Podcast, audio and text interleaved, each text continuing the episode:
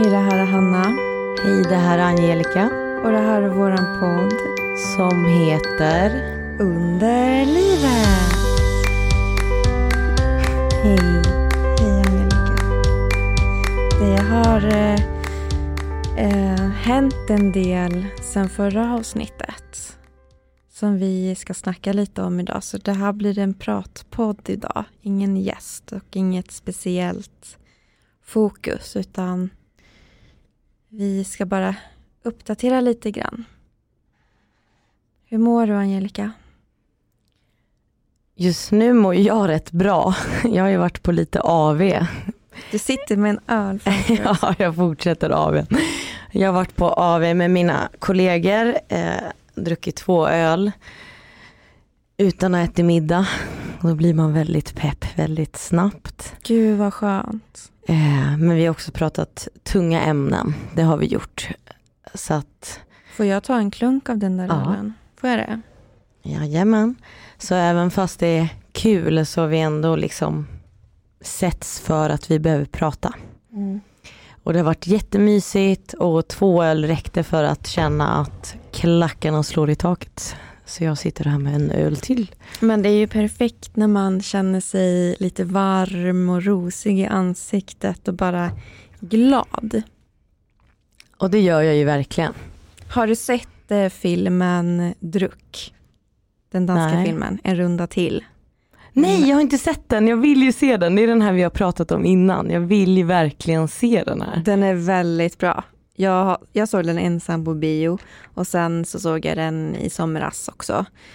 Eh, och eh, de utgår ifrån en teori om att människan föddes med en promille för lite. Och- ja. Ja, mycket, ja. så, det är mycket möjligt. och de jobbar alla på en skola. De är olika slags lärare. De ska göra det här experimentet för att se, gör man sitt jobb bättre som lite berusad eller med den här korrekta promillen?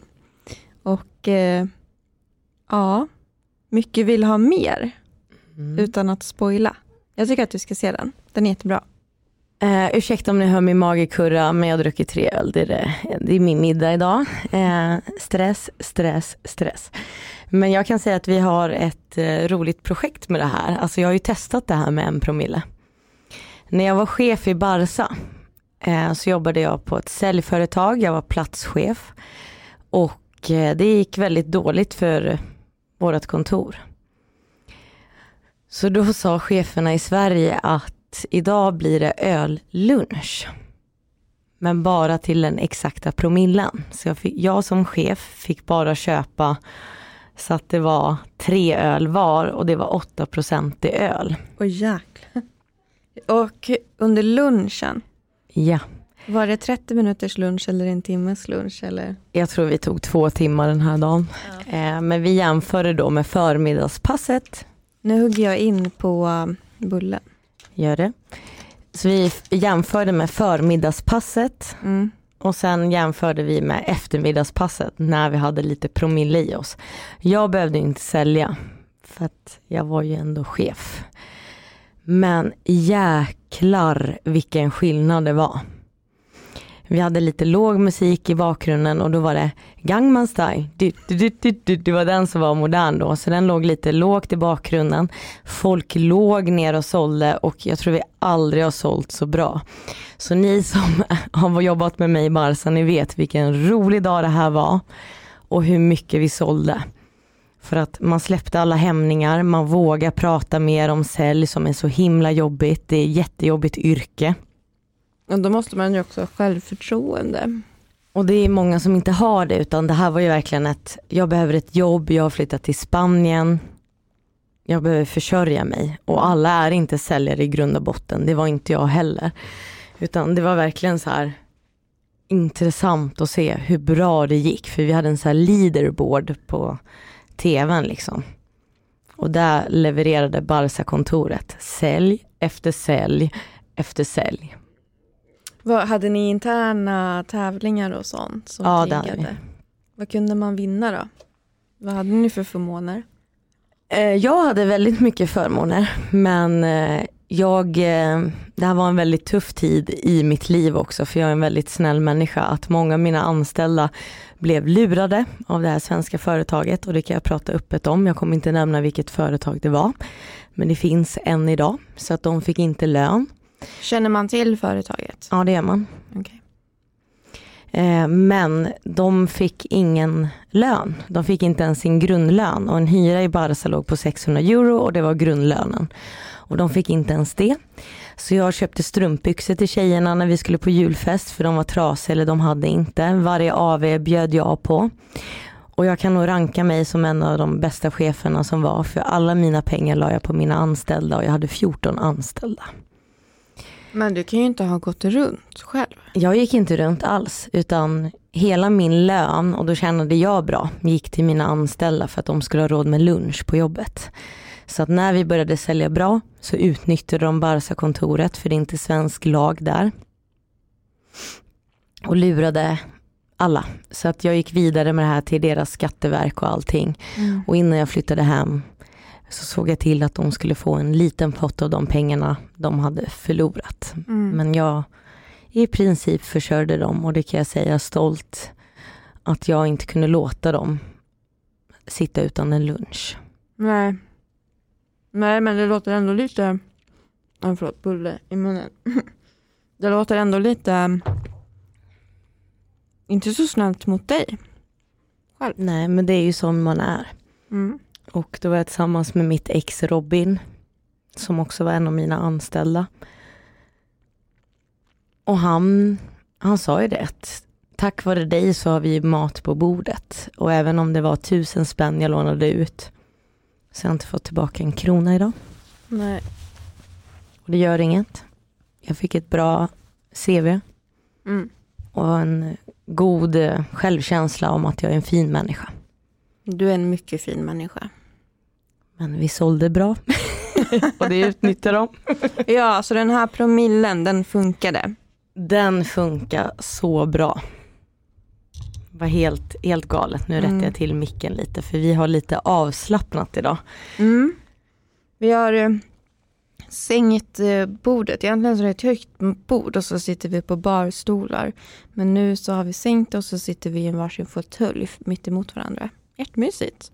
Äter bulle och dricker öl. Mm. Perfekt. Skål kompis. Skål. Och skål till er. Skål till er ja. Men eh, det har ju hänt lite grejer som sagt. Ska vi börja med dig? Ja. Du var ju på magnetkameraundersökning. Två stycken och i fredags klockan 13 fick jag ett samtal. Jag har bara pratat med mamma, jag berättar för mina kollegor bland annat idag. Mm, det här vet ju inte jag om. Nej. Men det är inte endometrios. Varken okay. i tarmarna eller i lungorna och inte i levern. Men min endometriosteamet ringde ju mig för det var via dem jag var på remiss. Och eh, då sa de att eh, det har kommit två stora syster till. Sen... Som en halv kiwi och en stor kiwi. Jag har ju redan en 2,5 centimeters hemangiom som en kärlmissbildning som man ofta får när man föds. Men jag har gjort så många MR och de har aldrig upptäckt det här utan de ligger och trycker mot rebenen och mot andra organ. Jag vet inte om det är godartat och hon sa så fint att om man ska prata cancer, vilket man såklart tänker, och jag tänker att jag ska säga det för att annars så ljuger jag att jag inte tänker Sa på det. Sa hon Nej, men det hon, i telefon? Ja. Att det men drabbar Gud. ofta män i 65, 65-årsåldern, 60-årsåldern. Men jag är inte orolig för det, för det finns massa andra. Hon förklarade det så bra. Att de här systerna har ju kommit på två år. Och det är förmodligen det som gör att jag har ont så att hon dumförklarade inte min smärta utan hon bara, du har ju haft rätt från början. Det sitter under höger reben. Men jag har velat utreda allt. För endometrios kan ju lägga sig var som helst. Eh, men jag måste lämna över dig till en leverspecialist. Så nu väntar jag på en eh, remiss till en leverspecialist för att utreda vad är de här cysterna. Och då började jag gråta och då sa jag, vad kan det vara? För jag blir lite orolig. Och då sa hon att det finns någonting som heter hemangiom. Som är en kärlmissbildning. Eh, som du redan har. Men det är väldigt ovanligt att det dyker upp nu igen. Vi borde ha sett det på de tidigare MR. Sen finns det något som heter FNH. Som är någonting som kvinnor får. Eh, det är också en cysta. Eh, och vad jag förstod det som, eh, ni får rätta mig efter avsnittet, men vad jag hörde nu, det är det enda fakta jag har, det är att om man har gått på en tung hormonbehandling länge, så kan man få cystor. FNH. Och det är ofta kvinnor som får det, det kallas ofta bifynd, bla bla bla. Eh, eller så är det hemangiom. Eh, eller så är det cystor men förhoppningsvis och typ 90 procents chans att det är godartat och det är det jag tänker. Och jag tänker att Hanna kanske hittar FNH, om vi kan hitta FNH lever någonting. Om du googlar kanske? Ja, jag är inne här på, nu jag ska bara dra rätt micken. Jag är inne på internetmedicin.se. Det är en sida som jag vet att läkare använder sig av. FNHI lever, lever och gallvägstumörer. Benigna. Benigna. Benigna. Benigna säger man va? Och det här ordet har man ju hört. Och då är det ju godartat. Det heter så. Men de kan fortfarande orsaka smärta i organen. Och jag brukar förklara det till mina vänner och till läkaren att när jag ligger och kollar på film så ligger jag på min högerhand eh, Eh, och kollar på tv till exempel. Och så ringer min telefon och så sträcker jag min vänsterhand. Så ni kan ha er högerhand mot höger öra och så sträcker ni er vänsterhand över 90 grader. Då spelar min sista gurka på mina reben. Det känns så, drun, jag känner det i kroppen. Och eh, det som är så fantastiskt med levern sa hon att det går att operera bort. För levern växer ut, den är som en limpa bröd, förklarar hon för mig. Mm. Och den växer ut. Men när de orsakar smärta, som det gör i ditt fall, och jag kan inte sova, jag snittar ju två timmar sömn de dagarna jag har ont i min lever, som jag uttrycker det. Det är för att det är en helt annan smärta än vad jag är van med. Endometriossmärtan kan jag ändå sova med. Det här kan jag inte sova med. Eh, så vi ska nu utreda vidare och jag ska få träffa Karolinska specialister inom lever och radiologer som tolkar de här MR-bilderna. Mm. För att det är väldigt ovanligt att det är två nya syster som uppkommer och hon sa det, lev som vanligt, ta det lugnt liksom, men vi kommer utreda. Förmodligen är det godartat och det är det jag tänker. Men godartat kan ju också skapa en smärta. Ja men precis. Och jag vill inte leva med en smärta utan då sa jag till henne direkt. Jag var ensam kvar på jobbet i fredags och då mm. sa jag att om det är så att jag ska ha en, ett ärr över hela min mage och ni opererar bort det så är jag inte så ytlig längre utan jag vill bara leva smärtfritt för jag har redan endometrios. Ja, men det är ju inte ens någonting som du ska behöva diskutera eller motivera varför du ska ta bort den här. Det ger dig smärta, punkt. Är det lätt att operera bort? Ja. Ja, men operera bort det då. Här står det. Eh, syster i levern är vanligen benigna, alltså de är ofarliga mm. eller godartade. Och så står det också här om he hemangiom. Vad Heter ja, det, det är den ärftliga jag har haft mm. förmodligen sedan jag var liten. Mm. Och det är ju en form av cysta på levern. Hittar du något om FNH eller vad det hette som hon nämnde för mig? Nu ska vi se, jag scrollar ner lite. FNH står för fokal nodulär hyperplasi tumörliknande förändring i levern som kan uppträda i multipel form. Alltså att man har flera stycken. Upptäcks ofta av en tillfällighet vid undersökning med ultraljud eller datortomografi. Eh, Ja, det jag vet är ju FNH. Som, det låter ju som att det är det jag har när jag själv läst på lite. Mm. Det står att FNH sällan ger symptom. Men när de gör det så är det i form av smärta. Mm.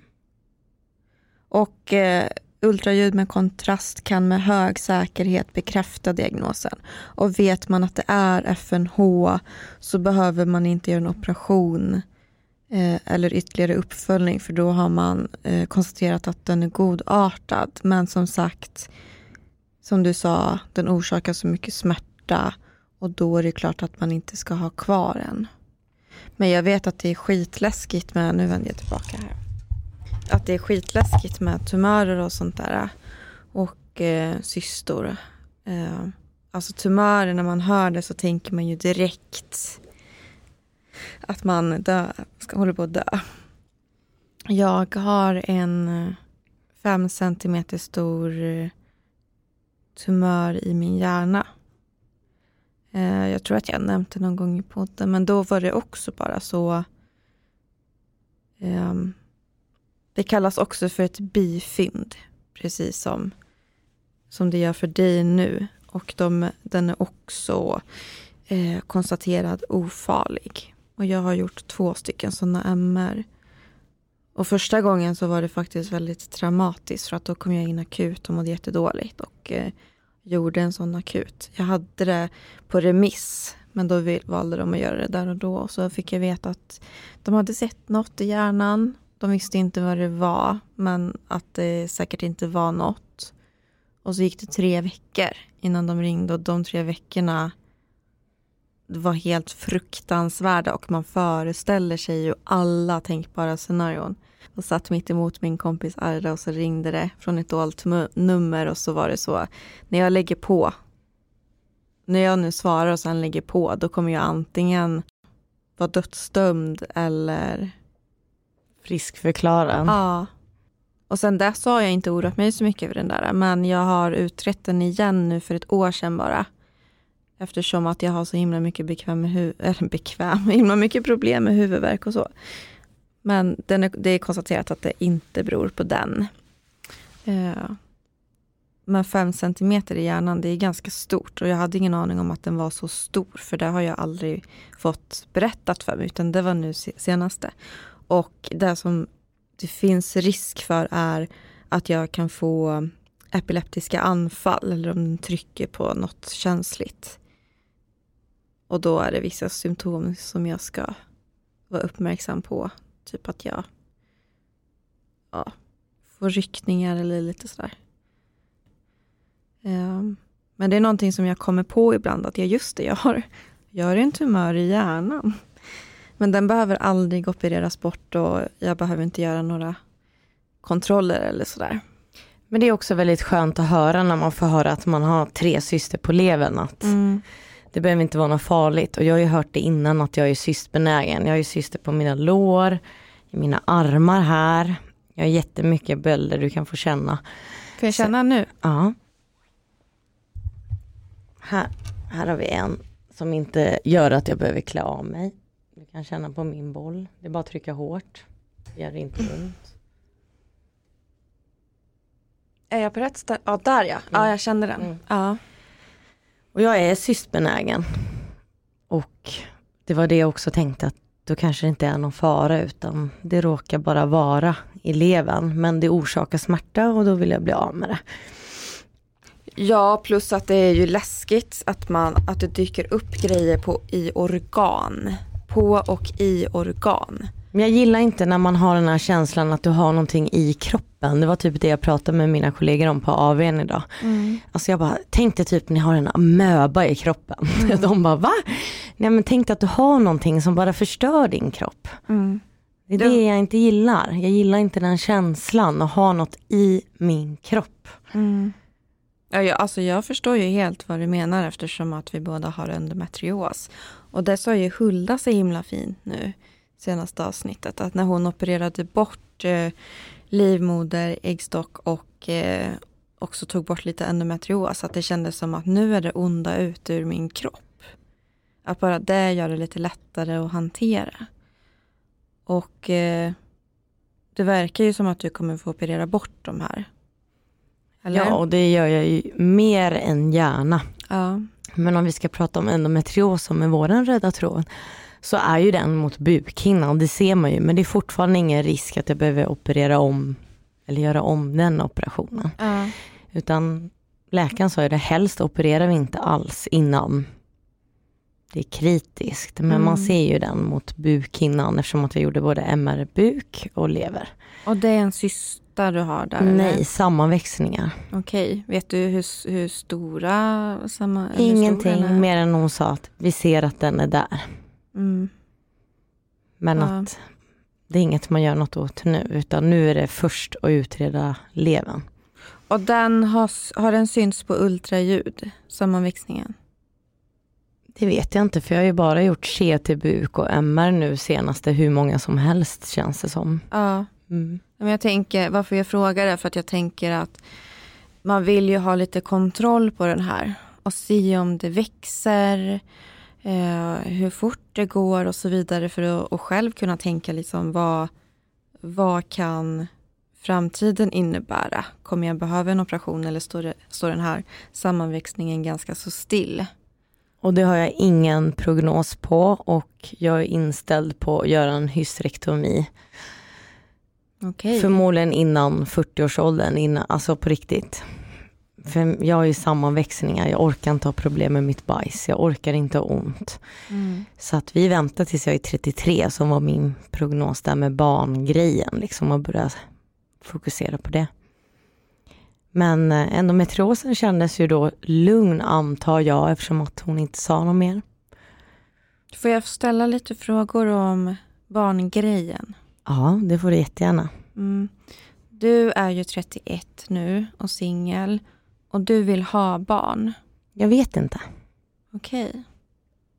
Jag har aldrig liksom... eh, Jag tror kanske att jag gör det för att min mamma älskar mig oavsett. Jag vet. Men det är klart hon, ha, hon hade velat ha barn. Och alla mina vänner ser att jag ska ha barn. Du vill ge din mamma ett barnbarn. Ja, men jag känner också att mitt mentala, alltså psyket gör att ju mer jag längtar desto större sorg kommer det att bli. Mm. Så därför, det låter jättesjukt. Det är klart ni vet att det ligger och tänker på det här hemma. Men det blir en större bomb om jag verkligen går och längtar efter barn. Så jag har tagit det lite som det kommer eftersom att jag har den möjligheten nu fram till jag är 33 och välja att frysa ägg och sånt. Och eh, mycket kan ju hända fram till jag är 33. Verkligen. Ja, men eh, den, den dagen kommer ju och vi minns ju alla Emmas avsnitt. Eh, och det gjorde ju mig väldigt djupt om hjärtat om ni minns. Nu kurrar min mage lite här. Mera öl. Ehm, Men när du fyller 33, är det då som du tänker att du ska plocka ut och frysa ägg? mm. Mm. Är du redo att eh, inseminera? Nej, är alltså jag är inte 33. där överhuvudtaget. Jag tror det är viktigt för er som är yngre också som ja, har drömt om barn på ett helt annat sätt än vad jag har. För jag har tyvärr varit så himla upptagen med mig själv och har helt ärligt älskat mig själv så mycket så jag har inte funnit tid för barn. Men jag- säg inte tyvärr. Nej men jag tror bara så att ni som lyssnar, Ja. att det är klart någonstans finns det väl en längtan, absolut.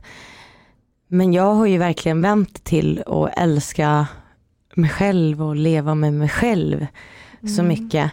Så att jag tänker att det här kanske kan vara skönt för er att höra att ni behöver inte stressa på heller. Kanske har ni något annat än endometrios och då är det självklart en annan risk.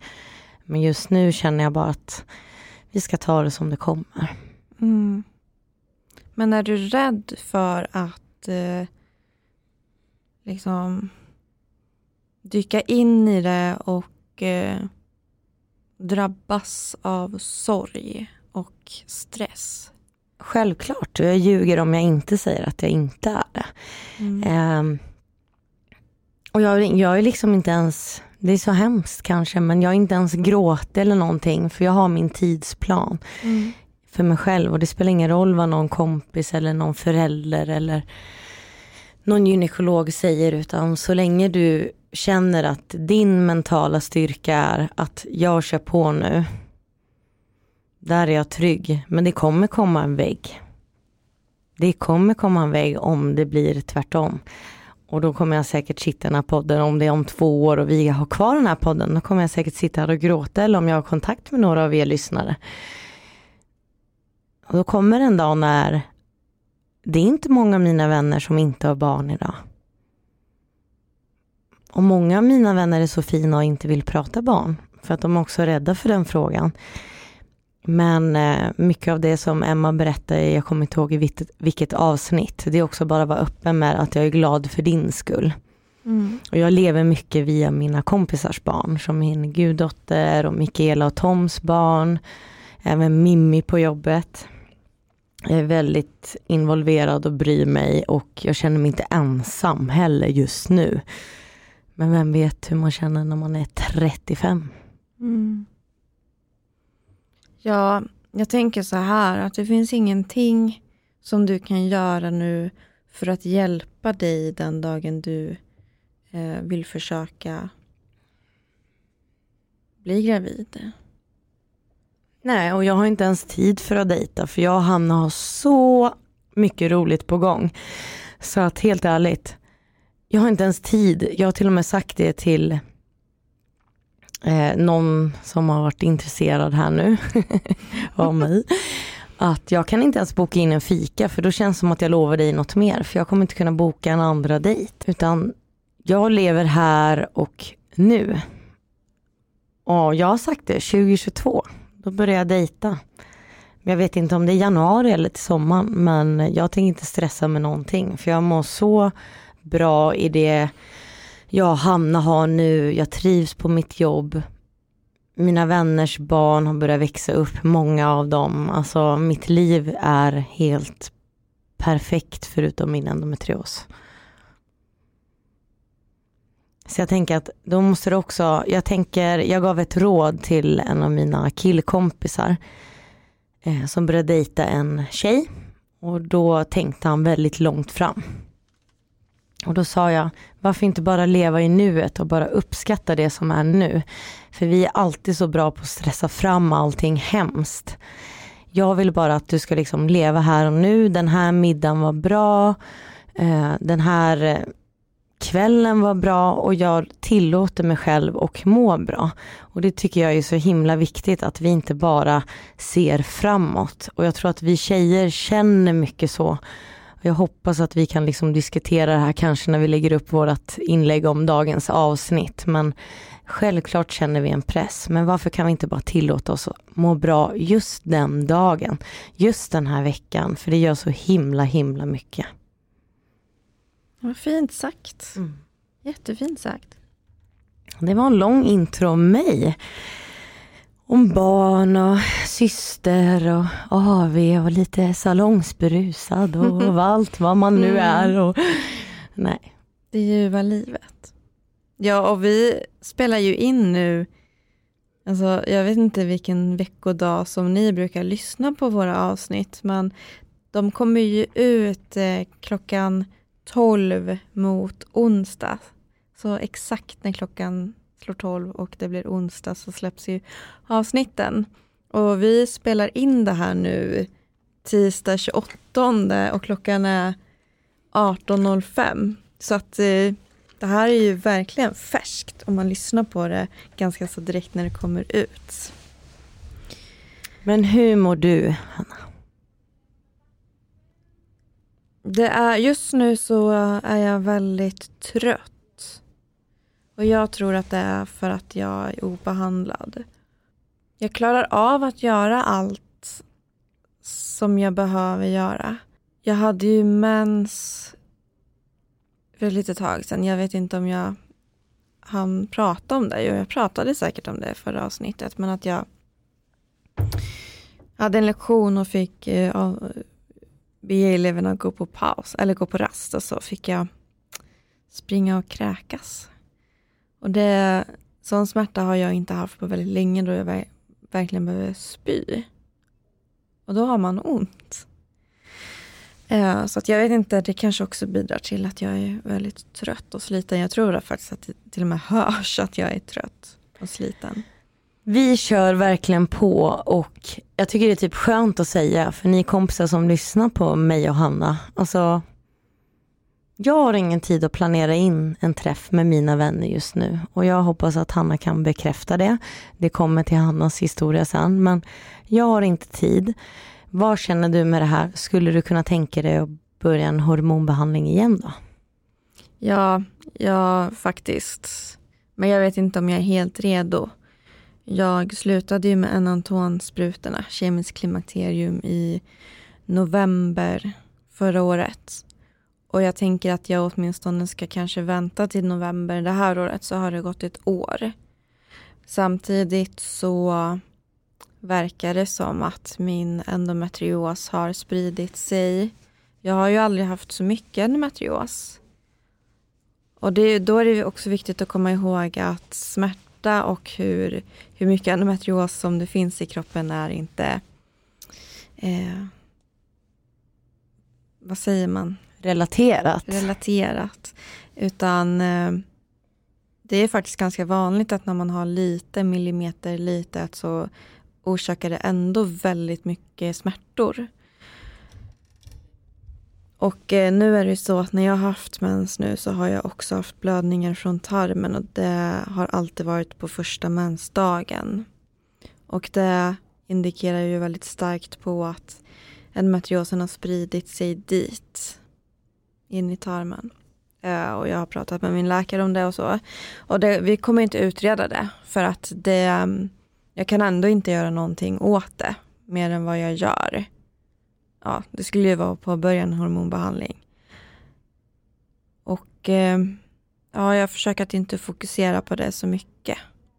Men det är klart man blir så här nyfiken, hur ser det ut i magen egentligen? Man skulle vilja bara öppna upp och kika omkring.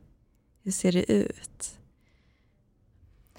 återigen till det här, vad finns inom oss? Det är mm. det som också skrämmer oss och det är det som gör oss obekväma. Jag måste kalla det obekväm. Jag, jag vill veta. Mm. Ja, man vill ju det. Och det handlar också om kontroll tror jag. Hur, hur ser det ut inuti? Vad har jag för skit?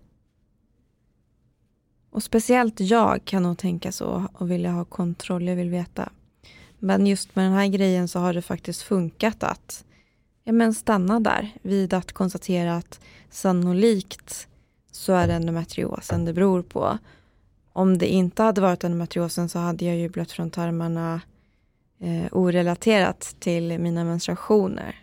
Men blöder du i din avföring? Är det det du pratar om? Eller att du bara känner att det blöder i tarmarna? Ja, jag blöder ut. Alltså, och det spelar ingen roll om jag bajsar eller inte, utan det kommer blod när jag går på toaletten. Ganska så mycket. Från, från alla håll. eh, ja. Och det är skittråkigt, men eh, så är det ju med den här sjukdomen. Och den är så jävla lömsk. Alltså jag hatar den här sjukdomen så mycket. Mm. Och ändå sitter vi och pratar om den eh, varje dag. Och jag kan ändå få outa lite för jag har pratat med Hulda efter avsnittet. Och eh, när hon var med i avsnittet så kändes det ändå som att hon var mer trött. Men hon har ett smärtskov nu och haft det flera dagar. Så att bara för att ni opererar bort allt så vill jag bara trycka på det. Eh, att Hulda har väldigt ont just nu. Mm. Och, den här sjukdomen alla... är sån. Ja, hemskt. Jag tycker att alla ska gå in på Huldas Instagram och, och skriva något peppigt där. Hulda Andersson heter hon på Instagram. Säg det underlivet sa under livet sa att du hade haft lite kämpiga dagar. Vi tänker på dig. Vi tänker på dig. Kommer du ihåg när Dag var med i vårt avsnitt? Ja. Och eh, han berättade att han hade paxat en hund. Eller han trodde att han hade paxat en hund i alla fall, men han hade inte riktigt fått det bekräftat. en valp. Mm. Och nu har han skaffat den här valpen. Hon heter Vilma och det är en, vad sa han, jaktlabrador. Så att det är en lite, lite mindre labrador. Hon är svart Mm. och hon är 13 veckor nu. Och jag har ju träffat henne. För eh, jag vet inte om man minns det här från avsnittet, men när Dag berättade det här så sa jag, åh då måste jag få följa med ut på en promenad med den här valpen. Och jag och Dag bor ju på Gärdet båda två i Stockholm. Ehm, så jag tog med mig min fina kompis Elinor och så gick vi och gosade med Dags valp ute på Gärdet. Så det var jättemysigt. Har du något att tillägga? Jag har svamp. Du har svamp Jag har svamp. Fick det för två dagar sedan och jag känner ingen i lukt och smak. stekpannan eller i trosan. Eh, I både och. I både och tror jag. Är det Men- bekvämt att sitta sådär? Ja, Ja. du ser vad jag har gjort. Ja, jag tänker du får luta dig så här. Du kan Nej, jag tycker det är hellre bättre att luta bak. Ja. Eh, och nu känner man ingen lukt och smak, inte för att smaken har någon betydelse i det här, tyvärr. Men det är det att jag kände att, Har du smakat på din flytning någon gång? eh, jag måste tänka, det, alltså jag, lovar jag säkert har gjort det, men jag kan inte komma ihåg, för jag kommer inte ens ihåg vad jag gjorde förra fredagen just nu, för vi har det så stressigt. Men förmodligen. Eh, ja du, Jag vet inte, jag tror inte det. förmodligen. Eh, men så vaknar jag liksom att, ja ah, men gud, jag har ju nya sovtrosor. Är det någon sköljmedel eller är de nya? Nej. Det var svampen som kom och den kommer ju och jag har ju ett recept stående. Mm. Men jag har inte hunnit hämta ut det. Men det är också en grej det här. Vad har jag gjort? Då får man kartlägga. Vi har ju haft ett avsnitt med Hannas kompis Elinor om det här. Och det är att jag har haft väldigt mycket tajta jeans. Mhm. Och varför jag har haft mycket tajta jeans? Jo, för att Hanna och jag har gjort väldigt mycket aktiviteter där det kräver att man klär sig lite fint och då har jag valt tajta jeans. Så där har jag liksom felsökt att här är det boven. Mm. Så det kliar ju så att det bara uh, ryser till. Mm. Och för satan. Men du kan inte smörja in med Xylocain eller något? Det här Det bedövningsmedlet? Det Okej. hjälper inte. Utan jag har ju tabletten, jag ska bara hämta ut den men vi är en underlivspodd och det här är det Nej, som händer Verkligen. under livet. Så att självklart påverkar det här också hur man känner sig om man är fräsch eller inte. I underlivet under livet. Men vad behandlar man? eh, Jag minns att när Elinor var här att vi snackade om eh, krämer. Också någon som heter Multigyn. Men vad är det för tabletter? Kolla upp vad den heter. Ja. Apotea, logga in.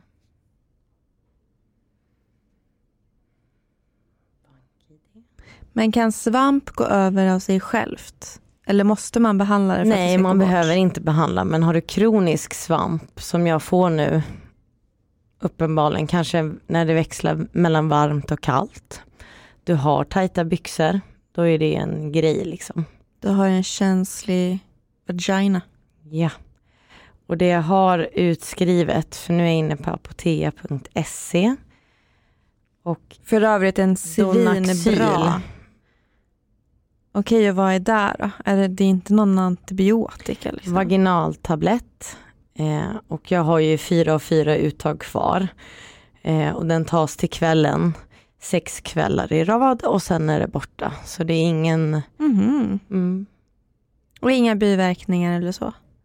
Inte nej? Nej. nej, jag har inte haft det i alla fall. Mm. Okej. Ja, alltså jag, vet, jag har aldrig behandlats för svamp. Men det känns ganska osannolikt att jag som har levt i 29 år aldrig har haft det. Det är klart att det har kliat i perioder, men det har jag bara tänkt så här. äh,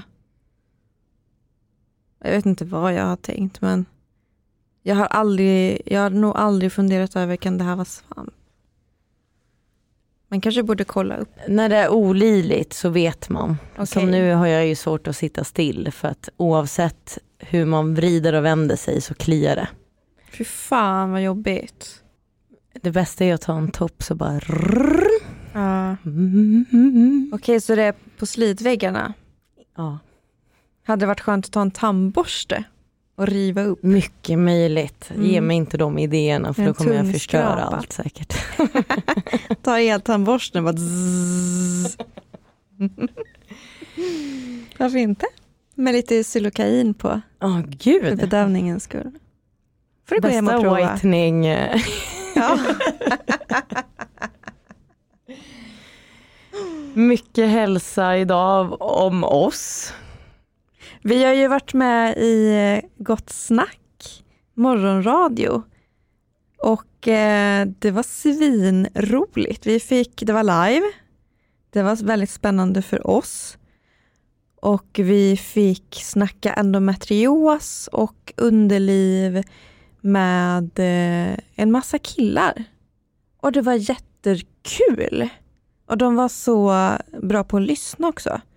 Och vi skrattade hur mycket som helst med, med de där. Så avslappnat och de vågade fråga det de tyckte var aktuellt. Även fast endometrios kanske inte var på tapeten för dem så kom det ändå väldigt mycket frågor. Ja, de kändes väldigt genuina med det också. Och absolut, nu blev det ju ett helt annat utbyte för att vi var med de här grabbarna. Och det är det jag också vill, som Hanna trycker på här, att ja, vi kanske sitter och pratar om vårt underliv, men är det så himla tråkigt då, eftersom att du kunde lyssna på gott snack, varför kan du inte lyssna på oss? Här får du ännu mer info, där hann vi inte ens säga allting. Nej, det var verkligen, verkligen roligt. En bra start på dagen. Ja, så var det verkligen. Och så fick vi springa, bokstavligt talat, därifrån sen för att vi drog över på tiden så mycket. Vi vill inte heller gå därifrån. Ehm, men jag tänker vi kan spela upp lite från avsnittet, så det kommer nu. Och eh, jag tänkte ju, eller vi tänkte att ni skulle få svara på frågan vad är endometrios? IBS sa Vänta, du. för jag Nej, vet... men IBS är ju irritable Bowel bowel syndrome. Ja. Mm. Och det är ju, alltså Irritable många blir bowler ju... syndrome är det för Jesper. Mm. Jesper gillar bowl.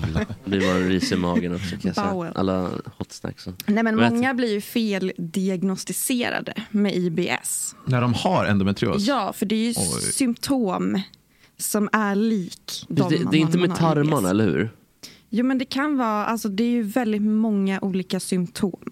Alltså från Mm. tår till huvud, alltså hela kroppen påverkas. Jag misstänker att det har någonting att göra med, nu ska jag säga så att det blir rätt här. Alltså Nej, man men får kör, säga fel, våga. det är helt okej. Det är inte livmodern, för det är vestibulit va? Det blir som små avknoppningar på livmodern. Alltså du är väldigt rätt ute. Det var, jag hörde det är det där som vi, hör- om. vi pratade om det Jag tror igår. bara att din- jag tror bara att din traumarespons som det mesta. Ja, okej. ja, okej, ja. Nej men för det, det jag läste någonstans var ju det här med att det blir som små filialer, höll jag på att säga, men alltså avknoppningar. Filé, filé mignon. Nej, men det- att de, Det är som fistlar i röven. som någon slags celldel. Ja, men det är inte det samma? Att, Någon slags, cell, nej, någon slags celldelning. Fistlar. va? Fist är. Som det är äckligt, också, för det var det, det var det sjukaste, att det blir som någon slags ehm, har ni sett anime-filmen Akira? Nej. Nej, okej. Nej. Men han blir någon slags köttblob. Jaha, att det blir så här, det är det jag har framför mig. Men att det blir som små avknoppningar som sen också synkar med blödningarna.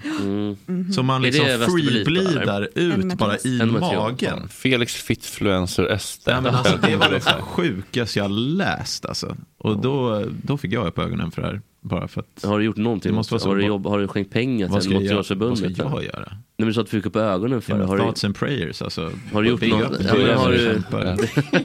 Sitter hemma och ber för endometriosoffer? Ja, Ja, tacka, kan inte bara kyrkan. tacka ordentligt? Så. One like one prayer. Ja, så där. Där fick vi höra hur de gissade vad en matrios är för någonting. De var duktiga tycker jag. Väldigt duktiga måste jag Ja. säga. Och icke dömande utan verkligen frågvisa. Jag vet inte, Angelica, har du fått hem ett brev om en endometriosstudie? Nej, men jag har sett mycket cirkulera på nätet. Ja. Berätta mer. Ja, men jag fick eh, ett brev på posten från, jag tror att det var Uppsala universitet, jag kan säga fel. Det var två universitet har jag för mig som skulle göra något samarbete.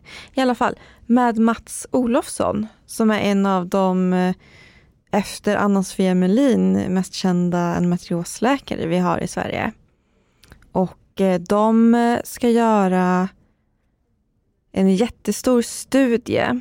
Jag, vet, jag har inte riktigt klart för mig vad den handlar om och vad syftet är. Det står i brevet, jag kommer inte ihåg nu. Jag skulle kanske ha läst på. Men jag kan skicka dig länken Angelica så kan du också säkert vara med. Jag vet inte hur de har gjort när de har valt att skicka brev eller vad de, vad de har utgått ifrån och var de har fått mina uppgifter. Jag vet inte.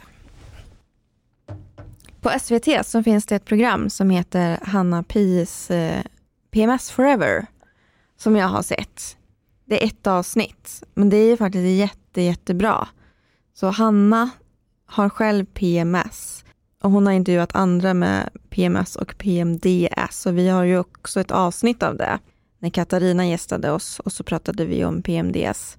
Och jag kan rekommendera alla att titta på det. Det är jätte, jättebra, tycker jag. Var det SVT Play? Mm, precis. PMS forever. Så det är mitt tips. Har du något att komma med Angelica? Två sista grejer. Ja. Spännande. Vi har, vi har varit väldigt djupa idag. Jag känner mig väldigt djup. Och då får man lite ångest om man är Mm. djup. Fy fan. Men det är Men vi- viktigt.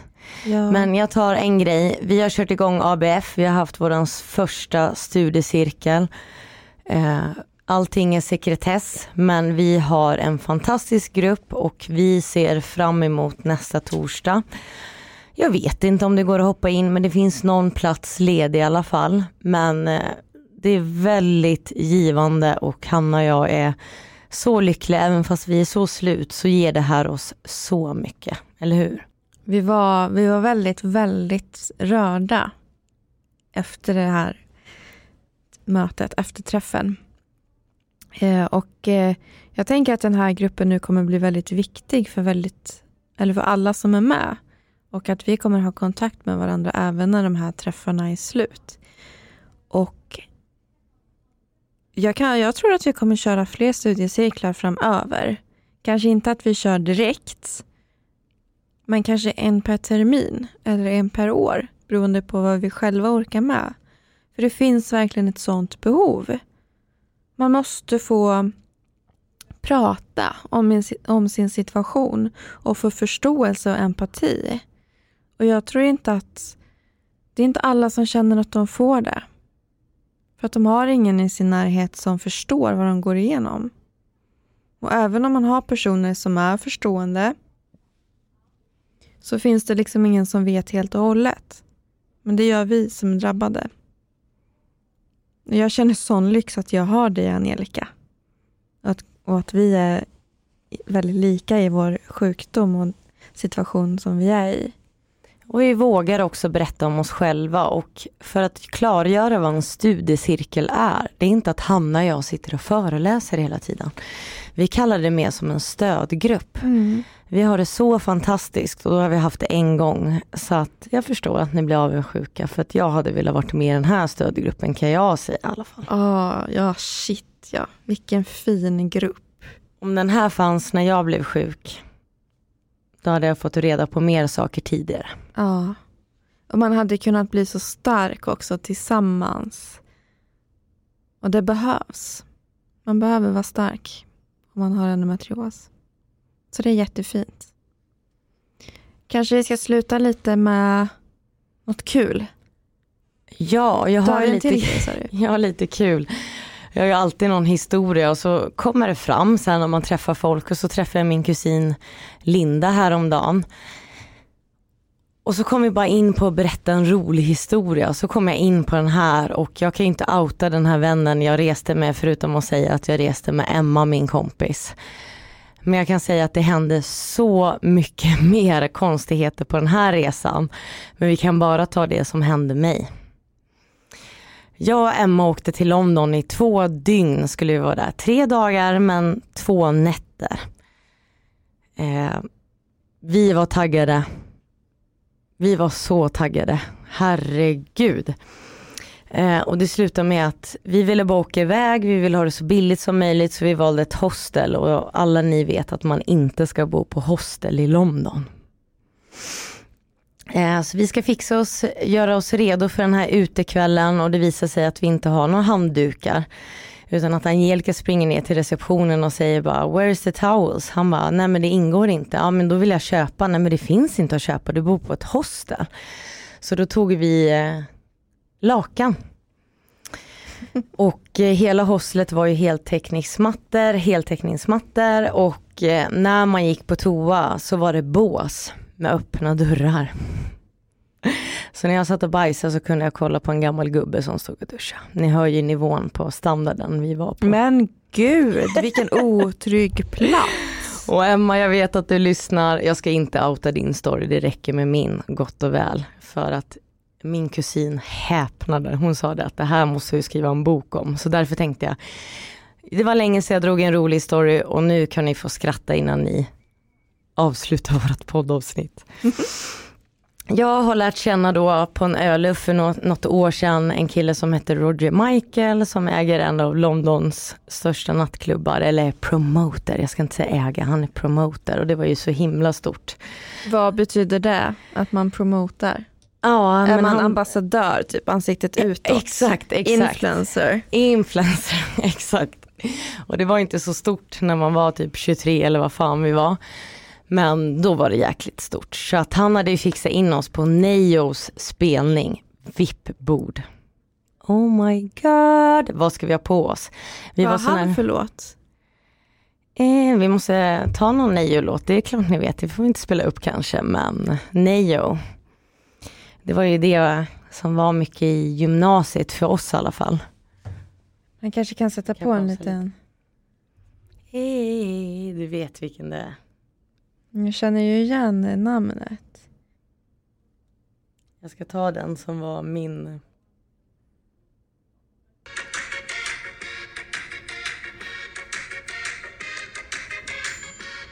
Jag känner inte igen det.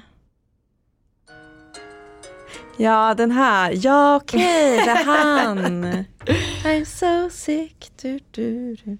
Och det var ju Ja. jättestort. Så vi hade ju fått VIP-bord och allting. Men vi var ju så nervösa så vi kunde inte äta. Men då gick vi på kiosken då och så hittade jag och Emma en stor vodkapump kallar vi den. Okej. Eh, det var en, alltså en vodkaflaska fast med pump. Gud vad bra, den här kommer räcka hela helgen. Det är bara att pumpa liksom och, Och det var blanda inte drinkar. handsprit? Nej. Det var extremt. där. Så vi tar några drinkar, fixar oss och Emma säger det börjar klia lite. Förmodligen bedbugs hade vi. Men vi ska inte gå in på det men ni kan Men tänka er. Men då ska vi gå ut och äta och båda är så taggade och vi kan bara äta oliver. För vi är så taggade.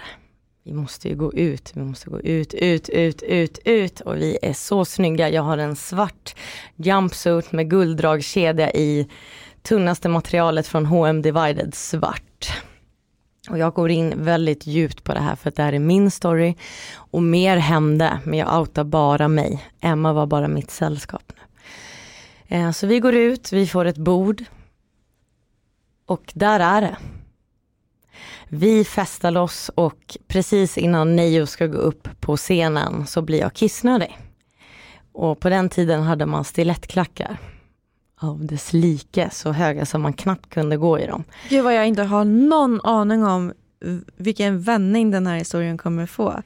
Så Spännande. att jag går i en spiraltrappa i mina stilettskor ramlar och drar killen framför mig från höft till knäna ner och bara ramlar och det är Neo.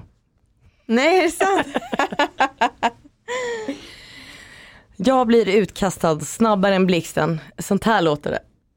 Ett sånt nackgrepp får jag och så blir jag utkastad. Jaha. Absolut, vi var fulla men det var inte på den nivån. Och då säger jag att jag råkar ramla, ja men det är liksom vår huvudgäst, bla bla bla bla bla bla bla. bla. Snark. Gå ett varv runt kvartet. Så alltså, jag går ett varv runt kvartet. Ingen mobil, ingen jacka, ingen plånbok, ingen hotellnyckel utan allt, eller hostelnyckel, ursäkta. Allting ligger nere hos min kompis Emma. Ja, jag fick aldrig se Neo spela. Utan jag försöker komma in och då säger vakten bara nej du kommer inte in. Han har redan bestämt sig, det var så lång kö och det var bara vad det är liksom.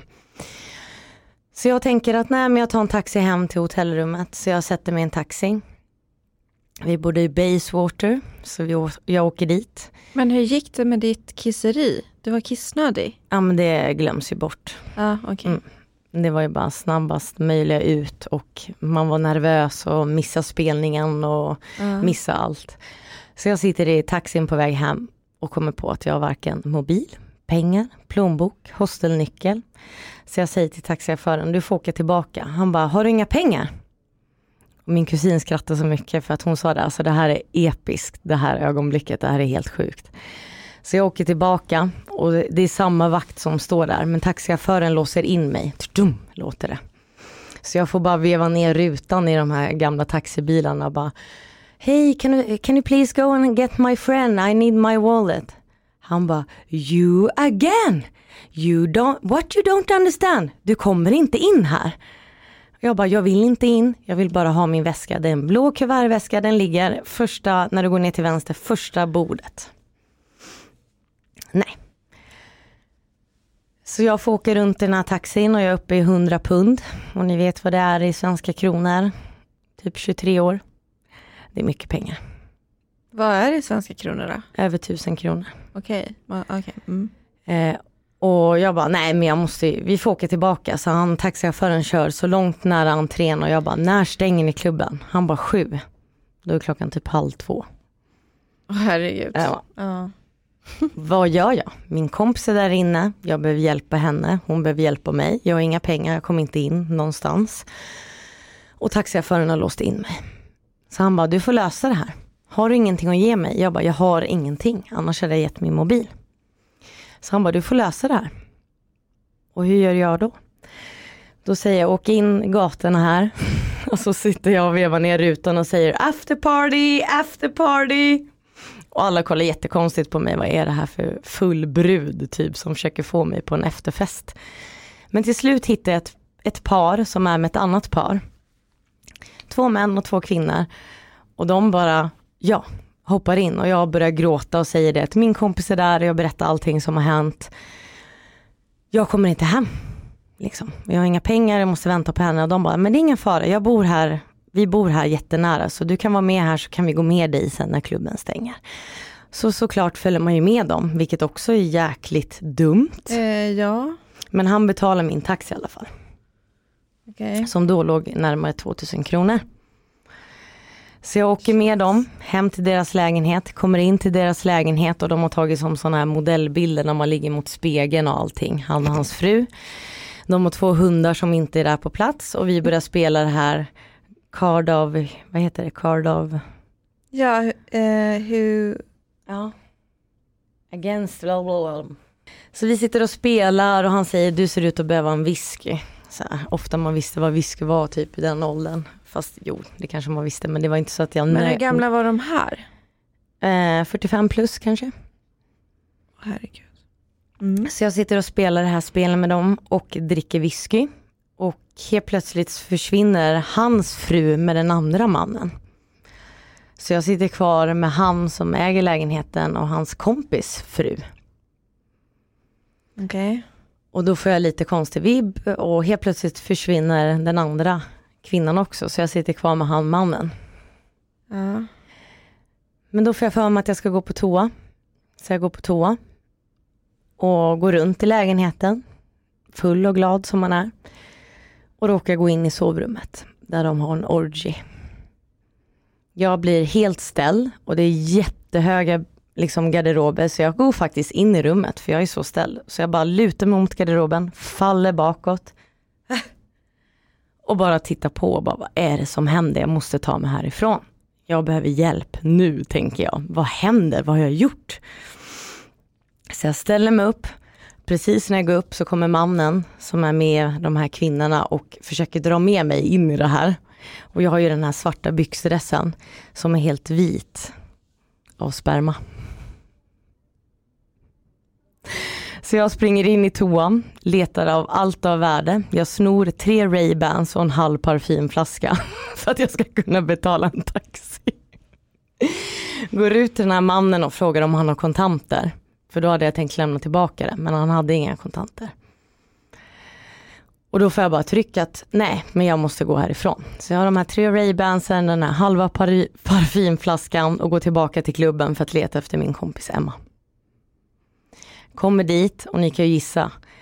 Den här vakten är skallig, jättestor och han möter mig med armarna som en eh, eh, hund, vad heter det, en bullterrier, bulldog, ingen aning. Men bara, varför har taxichauffören inte åkt? Varför stod han kvar? nej jag gick dit. Ja, du hittade taxi... Nej, för de bodde runt hörnet. Jag tog ingen taxi. Jag tänkte ta taxi hem med de stulna grejerna jag hade tagit. Ja, okej, okej. Men Ja. Jag ville först leta efter Emma, Mm. så jag gick ju för de bodde ju runt hörnet. Mm. Så jag gick tillbaka till klubben gående. Mm. Och då möts jag av den här vakten och bara Oh my god, what you don't understand! You don't come in here again! och du vet så här, jag bara såg den här scenen i mitt huvud, var hur mycket folk måste ha skrattat. Han bara oh my god, går och pratar med sina kollegor. Han bara this girl, she's trying to come in here like four Hon times. vill verkligen, verkligen vill- gå på konsert. She's, she's like trying to kill Neo eller vadå? Så här, och jag bara, kan du snälla gå in? Han bara, nej, what you don't understand. Så då tar jag en taxi hem. Och berättar som det är och taxichauffören kör ju mig Betalar gröt. du då? Nej, han vill inte ha ett dugg. Men Okej, jag du säger det innan ni åker. ja, jag bara, här är det jag har av värde. Berättar om min kväll. Här har jag skramlat fram åt dig. Kommer in till hostlet och är det en ny där och bara, nej men du bor inte här. Jo, det gör jag. Släpp in mig, jag bor där, jag kan säga vad som ligger och det gick ju bra. Så jag kommer in där, sju på morgonen och så sitter jag och väntar till Emma kommer klockan tio på morgonen. Och då har hon sin egen story. Men alltså jag skrattade så mycket hur det här måste ha sett ut för den här vakten. Att jag ständigt ville komma in på den här klubben när det inte var det det handlade om. Och jag hamnade på en swingersfest.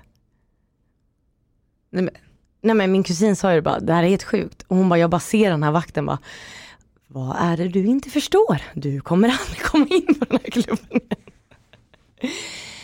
Men Emma och jag löste det till slut. Emma kom hem, jag kom hem, oskadda, men båda hade varit med om sjuka saker.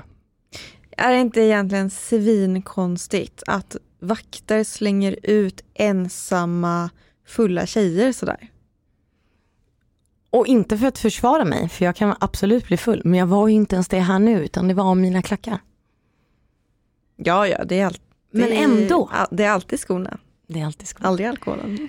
Men det var ändå så här, en sån scen, så jag tänkte bara att föreställ er det här i mina kläder, för det här hade ju aldrig hänt idag. Man löser ju allting med swish eller någonting. Men det här var verkligen på den tiden, det gick inte att lösa någonting. Så att man fick till och med sno ett par Ray-Bans för att liksom pantsätta. Men vad fan hände där med hans sperma på dina byxor? Vad fan var det som hände? Nej, jag drog ju. Så när Emma kom hem så såg ju hon min byxdress. Liksom. Men när... Gud, jag har så många frågor. Mm. Fan vad vidrigt. Och tänk om jag fick berätta hela historien, men det får jag inte. Men det här var min historia. Och det roliga var när Emma och jag möttes, hon bara, vet du vad jag har varit med om? Jag bara, vet du vad jag har varit med om? Och så satt vi och battlade och bara, men din är ju sjuk, men din är ju ännu sjukare. Så här. Men här hamnade jag på swingersfest i London, ollad, snott ett par, tre par Ray-Bans, men jag kom hem oskadd. Fy att få barn idag eller? Ja, verkligen. Men Och jag- gud. Och det här är ju egentligen grund och botten en sjuk story, men det är också väldigt roligt om man tänker på vakten som faktiskt trodde att jag ville komma in hela kvällen. Gud vad hon försöker. It's fucking Men jag tror ni gjorde ett bra jobb i alla fall, för jag såg inte en enda låt. Det bra var därför vi åkte ner. Det var därför vi åkte ner. Nej, är det sant? Men vad då? Ni åkte alltså till London för att se honom? Men det blev ju så eftersom att jag kände den här killen. Vad har du för jävla musiksmak? Men det var ju liksom när man var ung. Skyll på det. Mycket knasigt, jobbigt. Och det här var nog knasigt. Men jag tycker det är mer roligt nu efterhand. Hoppas ni också tyckte det. För jag ska ju dela sånt. Ja, det var en jätterolig historia. Men också väldigt problematisk. om man säger så. Men det verkar ha repat i då. Vi har repat oss. Men Emma får vara orolig. Den kommer nog på ditt bröllop. Ja. Ska vi sätta stopp där då? Ett Hanna och Angelica avsnitt. I Mm. misär, glädje, smärta eller inte smärta. Det har vi haft idag. Tack för idag. Hej då. Tack för idag.